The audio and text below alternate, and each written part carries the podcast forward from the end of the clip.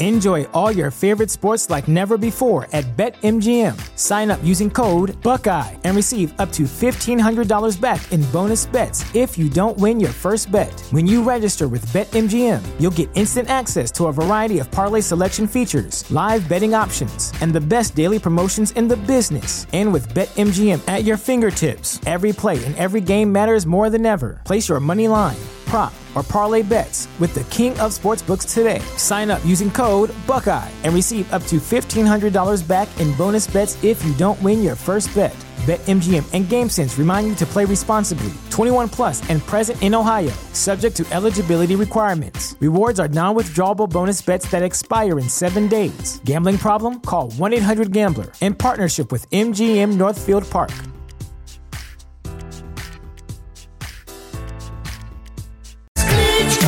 Sklíčka dotykov svietia vo tme a ty si taká fajn. Je skvelé, keď je to o dotykoch, pretože dotyk je blízky vzťah, ale dotýka sa ťa aj to, na čom ti záleží. Sklíčka dotykov sa nám denne myhajú pred očami a reálny svet nám uniká. Používajme displeje s rozumom, chráňme prírodu a zažívajme reálne dotyky. Tie ozajstné. Podcasty v produkcii ZAPO ti prináša digitálna očista od SPP. Všetky podcasty v produkcii ZAPO sú 18+. Plus. Lebo sex, lebo porno, lebo drogy, lebo násilie, lebo hazard, lebo alkohol, lebo vulgarizmy. Aj tento podcast môže obsahovať témy, ktoré nie sú vhodné pre vás, ktorí ešte nemáte 18 rokov alebo máte citlivejšiu povahu. Súčasťou epizódy môže byť aj platené partnerstvo alebo umiestnenie produktov, pretože žijeme iba z reklamy. Ty si predtým, keď si e, netočila, tak si robila čo? Mala si si takú, túto, nazvieme to normálnu robotu? Jo, Mimo? jo. Já jsem třeba pracovala v obchodě s botama. Mhm. Já jsem prodávala boty. Robila jsem na Fízlech, že jo, to byla moje první Oj. práce. A čo tam? No, já jsem byla občanský zaměstnanec, dělala jsem na recepci. Čiže, aha, aha, ja, že si bola taká, si chodila ako, nie že sociálka, ale také niečo, vieš, lebo ako policajtku si ťa síce viem predstaviť, ale Ne, ne, nedělala jsem normálně pro policii České republiky, pro státní a jako uh, strašně blbý peníze, všechno. A to jsem, vyzkoušela jsem si to, bylo to fajn. Předtím jsem vlastně tancovala u tyče, mm-hmm. x let, x let. A já nevím, dělala jsem třeba pro telekomunikace, jo, pro telekomunikační společnosti jsem pracovala. to si obchodia. vystriedala. Úplne s erotikou spojené veci, všetky, a s erotikou, čo úplne nejdú k sebe, No, tak tiež... taxíka jsem jezdila tak Ale- jednu dobu. Takže taxikárka, recepčná, telekomunikácie, predaj bod, V pojišťovně jsem taky. poisťovne a na druhej strane strip, OnlyFans, scény.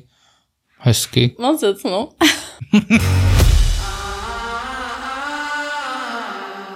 Tradiční spojení prvků folkloru s dávkou ženské něžnosti i mužským šarmem a nádhernou československou přírodou.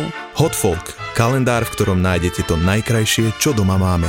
www.hotfolk.sk Dneska tu máme hostia, ktorý tu už bol predtým, známa vysmiatá Miška Billy Star, Sirius. Čauky. No a Miška tu bola, neviem ani pred koľkými mesiacmi sme to mali, ešte tie len audio epizódy a tam sme riešili uh, klasické veci z biznisu, OnlyFans, uh, tie tabletky, čo si mala, mm-hmm. podporné pre chlapov. No a teraz, keďže už robíme aj videoverziu, tak si budete môcť pozrieť našu debatu na Patreone, pretože bol trošku chaos v tom, že sme epizódy predtým zdieľali, že bude OnlyFans a podobne, bohužiaľ ľudia, sorry, ale nevydalo. Takže všetko budete mať na Instagrame, kde budeme dávať video. A ešte rýchlo, klasicky by som chcel promovať, natáčame v štúdiu Mav Prague, hotfolk.sk, ďalej OnlyFans od e, Myšky je onlyfans.com lomeno And star, podtržítko Billy. star podtržitko Billy, takže OnlyFans a Instagram Billy Star CZ. billystar.cz, takže všetko toto hneď si dajte, ob, obklikajte to follow, aby sme boli šťastní. Děkujeme. No, Dneska, kto nemá čísla, tak je loser vraj, že? Přesně. Straš, strašne podstatné to je. A ty si nám už povedala všetko minule, tak ideme tak z hurta, ale také pikošky si necháme s Myškou na tú časť e, druhú, to ples, ale túto prvú časť nám Myška zase povie niečo, niečo také, čo, čo sa teraz zmenilo u nej, čo, kde sa pohybuješ, čo si točila. Videl som na Instagrame, ste mali taký grupač s babami, takže detaily môžeme rozobrať potom, ako sa to pripravuje, ale čomu sa teraz venuješ najviac? Tak momentálně se nejvíc věnuju OnlyFans a vlastní tvorbě. Taky začínám nějaký podcasty svoje, takže... O biznise budeš mať? O práci, Hele, predpokladám. Či jmenuje niečo se, také? Jmenuje se to Allcast, takže já tam chci zabrat, já vím, že všichni říkají, máš mít ten svůj níž, máš prostě řešit ty svoje věci, ale já tím, že mě zajímá true crime, zajímá mě spousta jakoby, jiných věcí, tak prostě to nechci mít na jednu jakoby, tu tému jenom jakoby, toho našeho biznesu. Čiže všetko, z každého rožku trošku, ako keby len s zvláštnymi ľuďmi. Jo, chci si třeba, chci si třeba i zvát jako různý, různý osobnosti, nejenom jakoby sporná, ale třeba mm-hmm. jakoby i mimo biznesový lidi a to je prostě moje známí. Myslím si, že by to mohlo být docela jakoby zajímavý, že No, Um, třeba já osobně taky eh, sleduju jakoby různý lidi a kdyby třeba ten jeden creator dělal jakoby víc, pokrýval ví- víc jako těch témat, tak budu třeba koukat na něj. Ale je možné, že to bude totální propadák, nevím. Já už jakoby třeba jak netočím jakoby pro produkce, takhle co tak slýchám od holek, tak je to docela jako špatný. Díky zase OnlyFans a díky tomu, že my dneska všichni vlastně můžeme být vlastní producenti, tak samozřejmě uh, se drží na vrcholu ty velké značky, Brothers, já nevím, prostě jo, 21 Section mm. a podobně, ale jako hodně, hodně produkcí prostě zaniká. Jo, je to jakože trošku smutný vidět, že před deseti lety, kdy já jsem začínala, ten biznis byl někdy úplně jinde než je teďka. Z jednej strany je to smutné, pretože tá, tá nejaká firma má vybudovanú značku, svoj štýl a potom už proste toľko toho nebude, ale každý si našiel v tých produkciách niečo svoje. Ale zase na druhej strane z finančného hľadiska to úplne chápem. Hm. To je, ne, to je neporovnateľné. To v živote podľa mňa baba by mohla mať u nejakej produkcie každý týždeň jednu scénu a nezarobí toľko, koľko by sama zarobila na OnlyFans, keby chodila a točila. Hele, je to, Či? je to jakoby sporný, jo. Já docela si myslím, že se mu věnuju hodně, ale prostě ty čísla jako rostou hrozně pomalu. Lidi chtějí promal, lidi chtějí slevy a je to takový, jako že fakt vyděláváš po nějakých pěti do pěti, deseti dolarech, jo. Je to... Presítené je to brutálne. Už je Hodne, hodne. strašne veľa ľudí je na tom. Akože za, za dva roky, podľa mňa posledné, sa tak brutálne presítil ten OnlyFans. Najprv to bolo všetko, každý len, no a to nerob, to sú len pornoherečky, alebo nejaké kurvy, potom zrazu už začal ďalší, ďalšie baviť, ďalšie. A nakoniec teraz, ja neviem, modelky, proste sekretárky, No tak Každý. že jak začala Simona Krajinová OnlyFans, tak v České republice neuvěřitelně roste ta popularita té platformy. Takže děkujeme. děkujeme, že se Akože- odvážila a je to... Počul som, že tam ľudia na ňu akože pičovali, že prečo začala že čo to, ale čo ja viem, zase veď ona proste má nejaké už svoje meno a takíto ľudia, keď sa tam odfotia, a ona, ona aj fotila určite topless, myslím, nie? Já si myslím, že ona tam dává z minulosti různě Z minulosti a ty, ty, no. ty akty, protože to skoro každá Áno. modelka jakoby nafotila. No, alebo, Ja- ja alebo to, čo nemôže dať na Instagram. Uh-huh, uh-huh. Tak ona dá tam a všetci sa s nej poserú, zaplatia to magazíny, časopisy, hoci kto. A no, tak oni ona, to nemôžu. Ona, ona, se, ona se dostala hned do, do top jednoho producenta během nějakého týdne. Si říkám, sakra, teď tři roky na to makáme kretén. A prostě tím, že ona má takový jméno ve síti a všechno, No. no. tak samozřejmě to má o dost jednodušší. A hlavně oni ten bulvár jakoby píše. Já třeba zase nechci, aby o mě bulvár psal. Takže já Áno. o to míň, o to těžší to jakoby mám, že musím propagovat jenom přes ty svoje socky prostě. No veď videla si, ja som minule pozeral, kto zarába najviac, tak predtým to bola tá baba, čo sa hrala na psa, či mačku, čo pila z misky, chodila po štvornožky vrajn dobre, svetu dobre jeblo a potom to bolo, to bolo dávnejšie a teraz viem, že najviac zarába tá a, Black China, myslím, že sa volá a tá má 20 miliónov dolárov mesačne. To piči. Já jako ani tolik nepotřebuji, já bych z toho chtěla mít nějaký jakože samozřejmě pěkný příjem, uh, tak aby mě to mohlo živit a mohla jsem se věnovat jenom tomu, ale mm. prostě bohužel, já si nemyslím, že jsem nějaký jako člověk náročný, jo, ale samozřejmě nějaký účty mám a uh, takže přemýšlím, že prostě půjdu teď jako do práce někam. No, Ale vidíš, těžký, jo. aspoň, aspoň to máš tak, že, že nie si taká, že si povieš, ne, ja delať nepôjdu. Vieš, niektoré sú také, že si zvyknú na prachy, alebo keď si vybudujú meno, ako máš ty a už potom... Mm, Ale hele, já jsem to vždycky prokládala jako by tu normální prací. Já jsem třeba odešla do Švýcarska, zavřela jsem prostě všechny socky, nechala jsem to tam jen tak ležet a šla jsem normálně na dva roky normálně makat. Jako jo. Vůbec jsem neřešila porno, vůbec jsem neřešila tenhle svět mm-hmm. a je to prostě těžký. Samozřejmě byla jsem zvyklá na nějaký prachy, byla jsem zvyklá na svobodu a teď, když děláš prostě pod někým, jo, je to i o tom, že já jsem strašně nerada se nechávám kecat jako od lidí do, své, do svého života a tam to vždycky narazilo trošku kosa na kámen, když byl šéf takový jako, že, když to řeknu, debil, tak já, jako já se ozvu, tak, víš? Na truc. Já se prostě ozvu, že mi něco vadí a to lidi absolutně zjišťují, jako nezvládají zprocesovat, no. Že je hrozně toxická hmm. společnost, kde lidi myslí se vůbec jako, že nekomunikují zdravě a je to fakt jako úplně masakra, no, někdy. Tak jako dnes robiť sám na seba je sice ťažké, ale zároveň je to aj trošku si odstrihneš tých jebnutých ľudí od seba.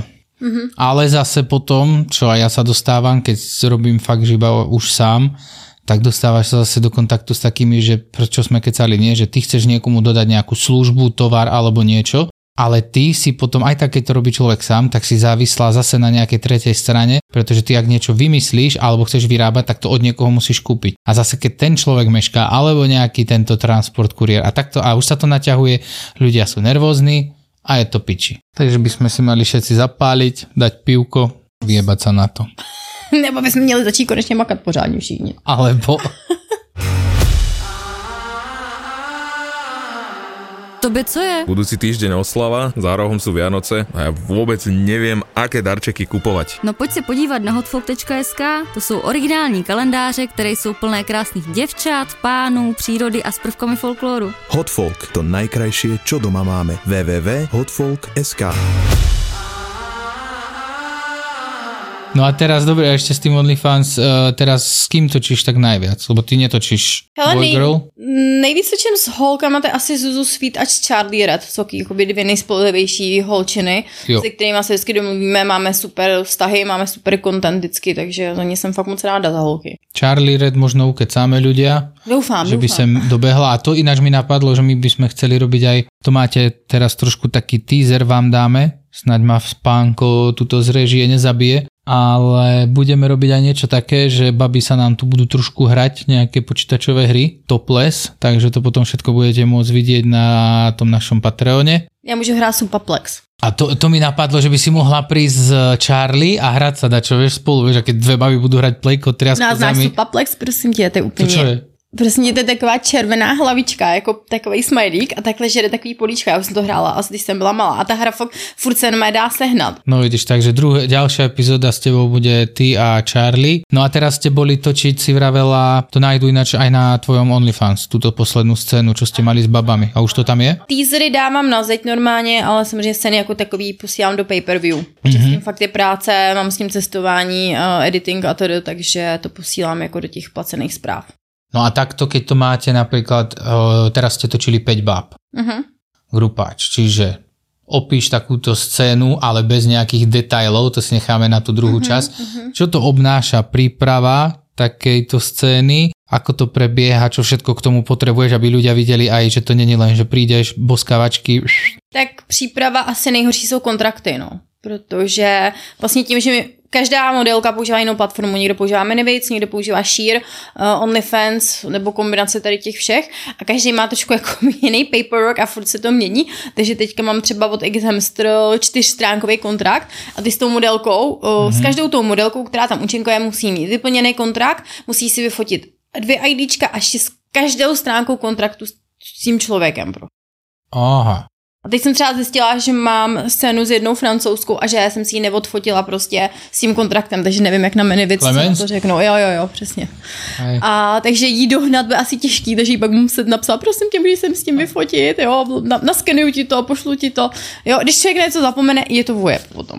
Když je víc lidí, tak člověk jako a ešte keď takí, hlídat. čo cestujú dosť, potom ich niekde odstihnúť, hm, to chápem. Čiže papiere, najdlhšia práca a tam asi nie len um, nejaké uh, content release a podobné veci, ale aj testy, bla bla bla. Já dělám to, co se dá dělat bez testu. Aha, Já nedělám žádný lízání, já nedělám žádný uh, líbačky, já každá svoji hračku, jo, a... Aha, to je- som aby- nevedel. Ja som si myslel, že keď vás, lebo som videl na tom Instagrame, to keby ste nevedeli ľudia, tak to možno ešte niekde nájdete u niekoho z bab v highlightoch, My ale hodíme- boli ste hodíme teda potom. ty, Zuzu, Charlie a tie dve nepoznám. Jasnou a Caramela Del X. To jsou vlastně nový, nový holčiny poměrně v biznisu. Ja som si myslel, že tam aspoň boskávačky a tak, ale čiže každá len hračku a... Jo, tak možná nějaký lehký líbání, ošahávání, ale každá hračku, že navzájem si to děláme tou hračkou třeba uh, a tedy. Jakoby, já už nechci jít do toho zdravotního rizika, který je prostě velký.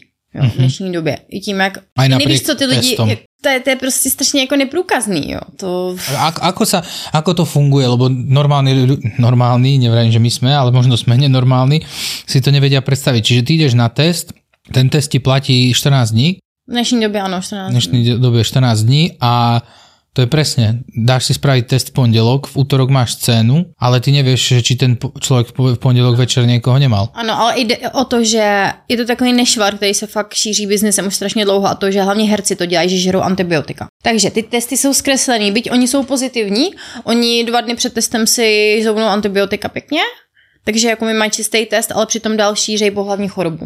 Jo, nebo fejkujou Aha. testy a podobně. Jako, už, už si říkám, že v, mém věku, v mém životním jakoby směru tohle nemám prostě zapotřebí vůbec jako riskovat. Ale tak ne? to je, to je aj na basu celkom, nie? Keď niekto ti takto sfalšuje Ale testy. tím, že naše zákonodárci vůbec tohle neřeší. Oni nás respektují, to je jak s gejem a jak to měli dřív gejové a lesbičky. Jste tady, ale neotravujte nás. Mhm. Jo, to samé je ten movement jakoby toho porno, porno průmyslu. Nikdo to vlastně neřeší, nejsou na to žádné pořádní zákony.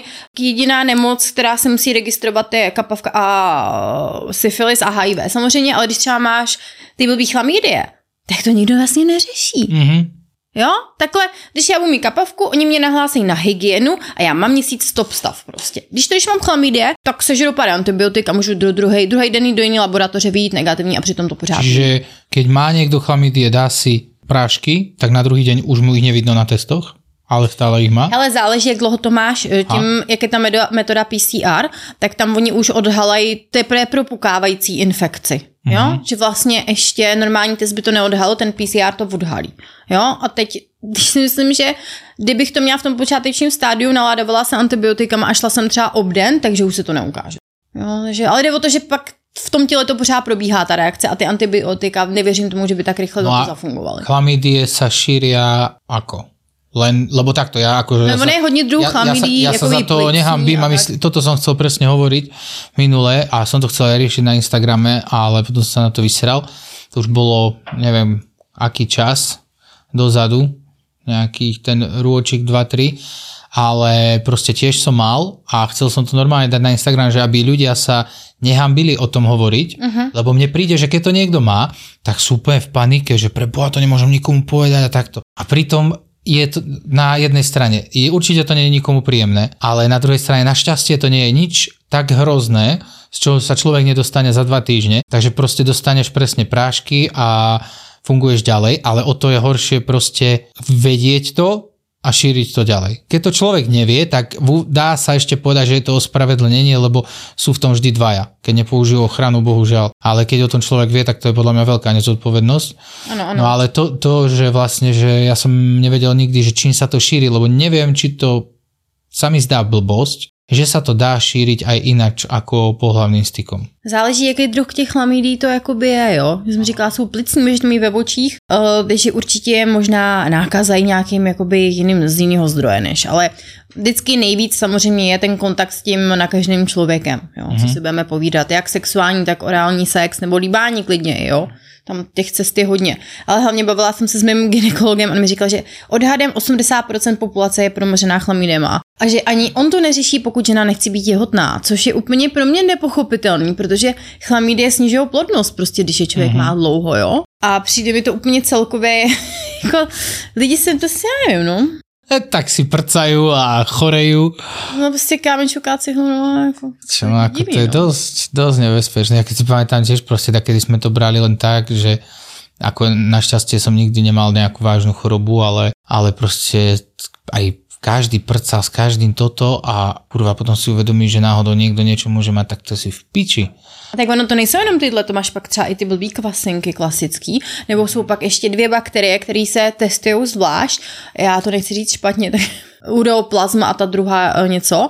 A já jsem je měla v obě dvě. Bylo mi furt, jsem měla nějaký prostě močáky, každý uh, rok třeba dvakrát, třikrát močák. A pak jsem se dozvěděla od jednoho producenta, ať si nechám otestovat i tady ty další dvě bakterie. A vyšla jsem pozitivně na obě dvě. A oni nemají buněčnou stěnu, takže se hrozně blbě léčí antibiotikama, jsou hrozně rezistentní. A mi to trvalo třeba tři měsíce, než jsem se z toho vyléčila prostě. Jakože mazec, no. Hmm, Tím pádem s tím souvisí i pak mikrobiom, protože těch antibiotik, kterých třeba my si žereme, jako za, za ten život je strašně moc, že pak problémy se střevama, jo, a už to jede, a už to jede prostě furt nějaký zdravotní problémy. Takže všechno ze všem souvisí a já myslím si, že třeba i lidi by se měli víc starat i o ty střeva prostě, no.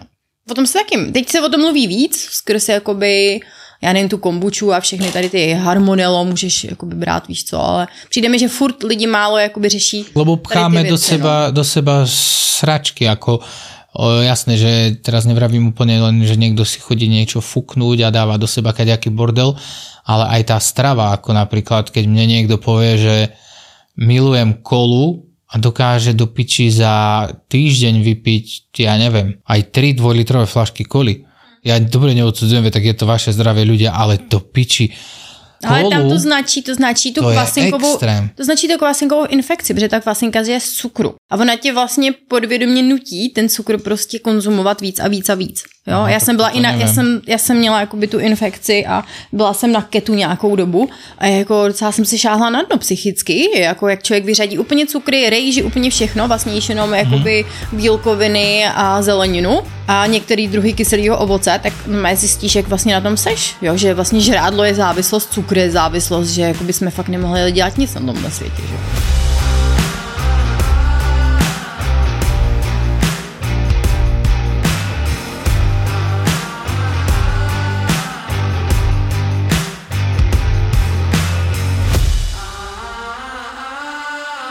A k tej erotike, čo je taká kon, konšpirácia v erotike existuje?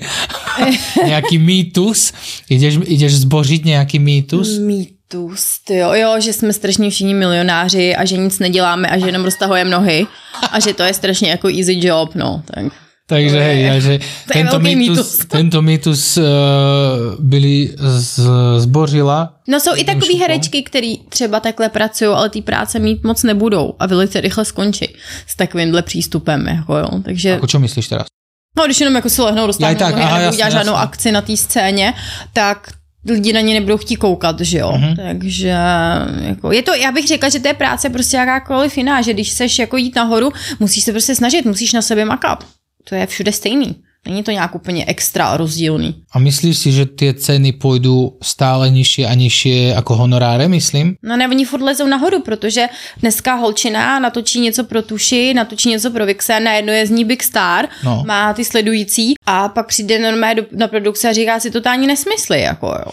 Takže Aha, přijde, tak že to- od té doby, co já jsem začínala, tak ty ceny se prakticky zdvojnásobily. Jo, samozřejmě máme inflaci nějakou, jo, zvyšuje se úroveň mm-hmm. celkově v České republice života, bla, bla, bla. Takže ale za těch deset let se to tak zdvojnásobilo, ty honoráře. Tak to hej, to akože by som čakal, že proste určite to nejak ide hore, hore, ale zase mne príde, že sú niekedy fakt, je to až smiešná suma, keď si to porovná, že niekomu povieš, že uvidíme ťa nahu na internete a trepnem, tak proste začínajúce baby, že či si nemyslí, že sa proste nejak podkopávajú, alebo keď je tých modeliek bude zase viac a viac, lebo každý rok proste neviem, či máš nejaký odhad, koľko prichádza do... No my máme krizi v tom, nebo v biznise je krize ta, že je právě, že málo newcomerů, málo nových lidí, nových modelek. To je právě, že, Že o, akože nech... málo, málo. Hej. Mhm. No to je jakoby pořád, jaká je poptávka. Takže viac OnlyFans idú samé, ako skôr pre produkciu. tak Určitě, myslím. určitě si myslím, že dneska spíš si ty holčiny o, buď si nahrajou agenturu, což bych řekla, že už dneska dělá většina lidí, má prostě agenturu, která jim jako o- obhospodařuje celý ty OnlyFans a oni vlastně jenom si točí ten content a tím pádem oni nemusí nic víc dělat, že jo. A já nevím, jestli to je možná i tím, že ty lidi přesně skrz to zdraví už nechtějí takhle riskovat zbytečně. Já nevím, no. Kde je ten zakopaný pes? Jako tím, že už rok vlastně jsem tak nějak z biznisu mimo, udržuju se tam přesně jenom díky OnlyFans a díky tady podcastům takovýmhle jakoby jiným tvorbám, takže nemůžu úplně říct zase úplně takhle zase už do toho nevidím, no. Ale všichni si stěžují, ale to si budou stěžovat lidi Jasné. vždycky, takže Lidi sa stále stiežujú. Ano. Mne jedine príde fakt, že je to presítené tými babami z toho OnlyFans, že to je proste fakt, to už robí dnes úplne skoro každý. Aj na ľudí, čo, by, čo pamätám si, že to proste odsudzovali a zrazu zjistili, že peňažky sú tam slušné. Přijde mi, že padá nějaká ta sociální bariéra, která dřív jako by byla, že čím dál víc lidí, což je vlastně dobře, že se lidi otvírají sexualitě, jo, byť možná trošku nezdravým způsobem, ale že už to není takový tabu, jako to bylo dřív. Mm-hmm. Přijde fajn, že se o tom aspoň můžeme dneska bavit. Samozřejmě to potom řešit to, jak to opravdu má být, jo. Tak tu v Čechách je to oveľa lepšie, tu sú ľudia otvorenejší, ale na Slovensku my sme tak trošku ešte, neviem, mi to príde ako keby všetci chodili do kostola každý druhý deň a my sme za opicami v tomto dosť. Ako s erotikou, so všetkým.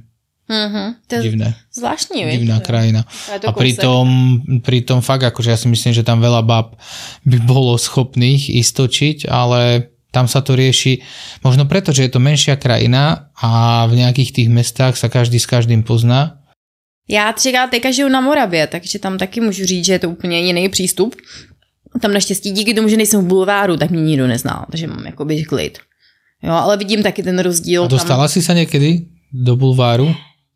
Nič, nespravila si když, žiadnu? Ne, a mě když píšou, tak já chci, aby mě psali jakoby americký média, takže já mám nějaký rozhovory a to mám jakoby spíš v Americe se o mě píšou články na takových těch sites jako AVN, X Business, takový ty, co něco jakoby znamenají, jo, kde prostě jsou lidi, kteří se o to vážně zajímají, že se o to zajímají, ale ne, že chtějí lovit nějaký senzace.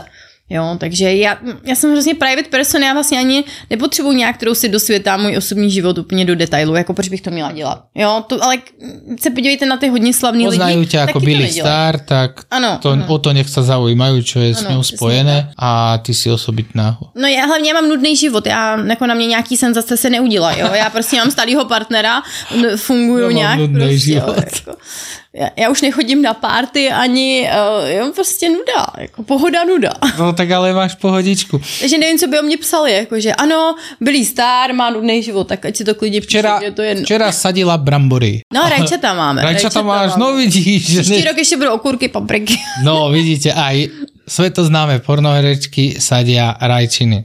Úplne normálne Kytičky, baby. Za, zahrádku mám, milinky. Kytičky. No vidíte, ešte keď budete sa ľudia nudiť a budete chcieť dizajnovku do bytu, tak skočte pozrieť na profil môj lavatar bodka, alebo tečka, Life is Inside. A medzi tým Life is a is Inside je ten podjebník. Čiže lavatar, Life is Inside a to sú záhradky, čo som tak začal, keď som vyšiel z tmy, tak mi jeblo a začal som robiť záhradky v skle. Sadím kvietky a je to príjemné na hlavu, oddych, To podívám. krásne je to do bytu, takže ti spravím rád mm-hmm, takú dizajnovku. Budu rád. A ešte pozdravujem týmto uh, Daniela do Ostravy, do Bohumína, ktorý mi robí na tieto záhradky úžasné železné stojany z vára pre mňa a robí sochy ako odliadky ženského tela a z toho robí veľkú sochu z matíc pozváraných, takže to si tiež pozrite ľudia. No, takže ty si vravela niečo o psychadelikách, že si si spravila výlet, tak to mi celkom povedz, lebo ja som, ma to celkom zaujíma, ja som bol v tej tme a teraz aj by som strašne chcel ísť niekde na tie, ako sa chodí na tie kliniky, ti dajú to DMT, alebo ako robia s LSDčkom a takto, ale fakt, že pod dozorom a to by som chcel veľmi zažiť, lebo ja viem, že tá hlava dokáže úplne iné veci a ja to tam len potrebujem nájsť. Ale tohle je mega drahý, no. Upřímně, já jsem, uh, tím, že už nějakou dobu se věnuju jakoby tý, jakoby spirituální cestě, meditace a rozdělala jsem po různých jakoby meetingsích. A na Healingu, na Healing Festivalu loni jsem potkala právě že šamana, který uh, podává rapé. A rapé už jsem jakoby rok předtím jakoby terapeuticky užívala, tak jsem k němu šla na ceremonii a on říkal, že dělají ava- ayahuasku. A já, ne, ježiš, já ne, nikdy nepůjdu na ayahuasku prostě. No jenom, že jakmile chytneš ten calling a ta bytost nebo prostě ta látka si tě začne sama volat, tak jsem teda jako jela nakonec. A bylo to fakt jako, že life changing pro mě v tom, že se mi tam ukázalo strašně moc zajímavých věcí o mě samý, ale upřímně mě to zase tak asi úplně fakt nepomohlo. Já, moje mysl je hrozně rezistentní. Pak jsem ještě byla na bufu, protože můj kámoš jakoby, žil v Mexiku x let, kde se to učilo od jakoby, tak těch domorodých šamanů, tak bufo jsem měla jakoby tři tripy a to teda bylo to nejhorší, co jsem v životě zažila. Bufuje, Bufo Alvarius 5 meo DMT. ale to je, to je čo? Nejsil, to je, to je žába, to je žába. Ale žába je to kambu, ne? Kambo, to je jiná žába. Aha, to je není jiná. psychedelická. Mhm, mhm, Vlastně kambo se taky používá Tím jsem začínala rápe a kambo na očistu. Tam máš to grcání, tam zvracíš. Áno, áno. Vlastně, jo. No ja, ja viem, že jedna z... Lebo ako neviem veľa o Full týchto veciach. je taková ta, ta rupucha obrovská. Aha. To je nejsilnější psychedelikum na světě. Počkaj, a není potom, no lebo... Se kouří. No hej, ale není sil, silnejšia ayahuasca? Ne, není. Tak to neviem, k tomuto To daleko povedať nič, lebo neviem a o tom. Jakoby tam... Já jsem teda absolutně neměla žádný duchovní trip, mě to hodilo do mýho vlastního těla. Já jsem třeba 20 jenom tak, minut takhle ležela a jenom jsem prožívala hroznou bolest. Strašný, prostě strašný. Teď jsem mi chtěl zvracet, nešlo mi to. Uh, teď jsem otevřela oči, všechno rozmazaný. Třeba na té ajavasce ty vize máš, i když otev, máš otevřený oči. Z toho bufa se můžeš dostat. Takže já jsem fakt pak prosila, ať to přestane, protože to bylo to nejhorší, co jsem v životě zažila. Jako fakt bad, bad trip. Ale ten bad trip si myslím, že tě naučí o sobě víc než ten dobrý trip. Hej, no vyťahne to Jako dokážeš jít do té temnoty sám sebe, kde uvidíš hned ty sračky svoje, jak, jak jsi vlastně debilní, jako, jak vlastně za čím se pachtíš a je to úplně nesmyslný. No, Jo, takže- ako taký trip som nemal v tej tme, ale bolo to veľmi zaujímavé. tam si hlavně v té tmě to je zajímavé, že to tělo si vytvoří ty látky samo. Že to nemusíš nic zvenku dávat, že ten No, mozek si vytvoří no. sám vlastně tu psychedeliku nebo něco takového. Na to já třeba upřímně koule nemám na tmu. To bych jako nedala. Ja sa teším znova To je teraz. drsný. Chcem ísť ako na jeseň na týždeň. Vtedy som bol 5 nocí len, už mi trošku preplo. Tam bolo psycho, že no ešte to Co vám na tebe vylezlo jako nej, nejvíc? Poslednú noc som mal strašnú, strašnú halušku, úplne schýzu som chytil, že sa priateľke niečo stane a úplne za mnou proste chodilo niečo v tej tme a, To jsou prý ty naše temné stránky, no. a smialo sa mi to do ksichtu a potom už som stál pri dverách, že musím ísť von. Že jako máš pocit, že jako nějaká, byla to nějaká, nějaká démonská přítomnost? No to ti poviem, ja som, ja som už stál Fuj, hele, já pri, mám normálně goosebumps. už som stál pri dverách a proste úplne som plakal a úplne si vrajím, to musíš dať, proste, že to len ego prišlo za tebou, že proste vycvičiť ťa, ale furt a také myšlienky, ja som to nevedel zastaviť. Viem, že keď sa chcem ukludniť, tak dokážem tie myšlienky, ako sa vraví, príde ti myšlienka, nerozoberáš, nerozoberáš ju, posunieš ju ďalej a takto, lebo vždy ti chodia myšlienky, až kým tú hlavu neukludniš. Ale toto bola taká smršť nechutných vízií a pohľadov, spojených so smrťou, že ja som bol v piči z toho a už keď som stál pri dverách, tak naľavo takto od hlavy som videl obrovské ústa, také biele zuby, ako iba z tmy a videl som tam oči. A to sa mi smialo, normálne sa mi to ujebávalo do ksichtu, že ma to vyženie von.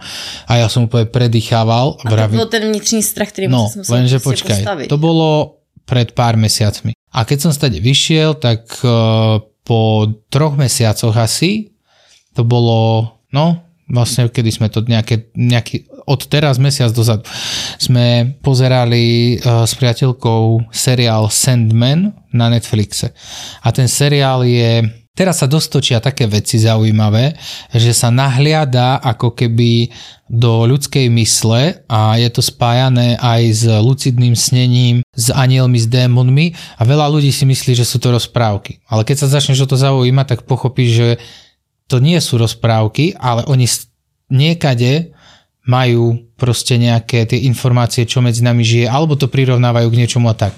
A psycho bolo, keď sme poze- tento seriál sme pozerali asi 3 alebo 4 mesiace potom, ako som vyšiel z tmy. A my pozeráme ten seriál a bola tam časť, keď ten Sandman, to je vlastne nejaký pán z nového sveta, tak išiel za Luciferom do pekla. A stretol sa tam s Luciferom a za Luciferom tiež do tej ich debaty prišiel démon. A prišiel tam démon a ten démon sa objavil ako portál v strede tej haly alebo miestnosti a ten démon vyzeral tak, ako ja, čo som videl v tej tme. Ja som stopol ten oný a žena moja sa pýta, že, to, že čo je a ja vrem, to je v piči. A ja som to v živote predtým nikde nevidel.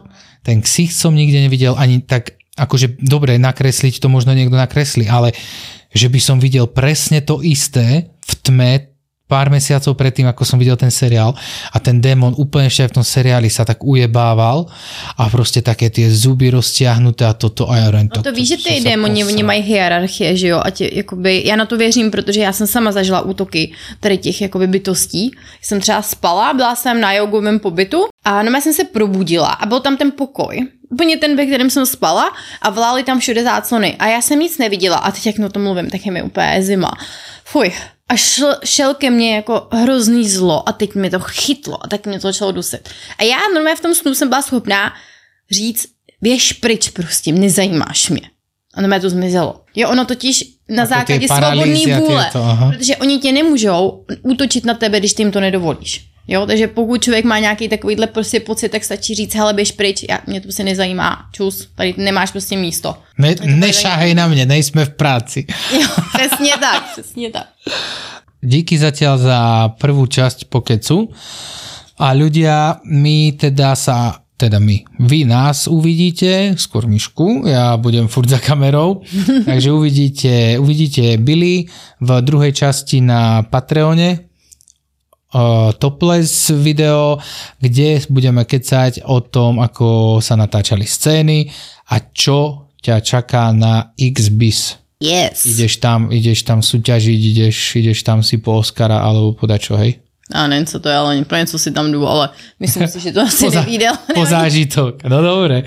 Takže toto všetko a ešte nejaké pikošky budete počuť v druhej časti. My vám ďakujeme veľmi pekne, všetci, čo ste to počúvali na Spotify alebo iných týchto audio veciach. A tak, a píšte na Instagram, koho by ste tu chceli ešte vidieť, počuť, akého hostia a čo by som mohol tak navnadiť, tak prídu sem aj baby, ktoré tu boli predtým, ale ešte ste ich nevideli, čiže ste ich iba počuli.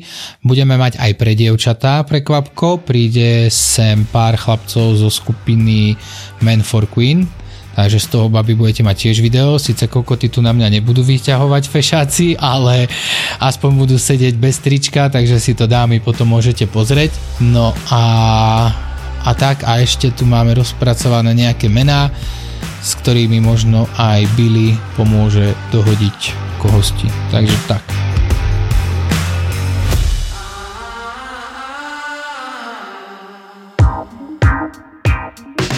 Spustí sa to čierne okienko a čo? Čo sa stane? Ozbrojení ľudia? Akože dve také, na prvý pohľad, ruské bravčové hlavy. Dva zápasníci proste. Na svojich cestách stretli ľudí, ktorých úplne nechcete stretnúť a boli na miestach, kam by ste s deťmi asi nevyrazili. Svoje auto premenili na dvojhviezdičkový hotel a prejazdili s ním tisícky kilometrov, aby zažili stovky nečakaných situácií. Ja som úplne iba v šoku, vystresovaný. A sám ho proste o skalu. Nevadí. Toto naozaj nevadí, aspoň máme ďalší príbeh do podcastu. Pusť si Road Trip, normálnu rodinku s dvomi malými deťmi na cestách. Vyrážame na cestu. Ideme na dva mesiace. Sme pobalení v aute. Road Trip v produkcii ZAPO.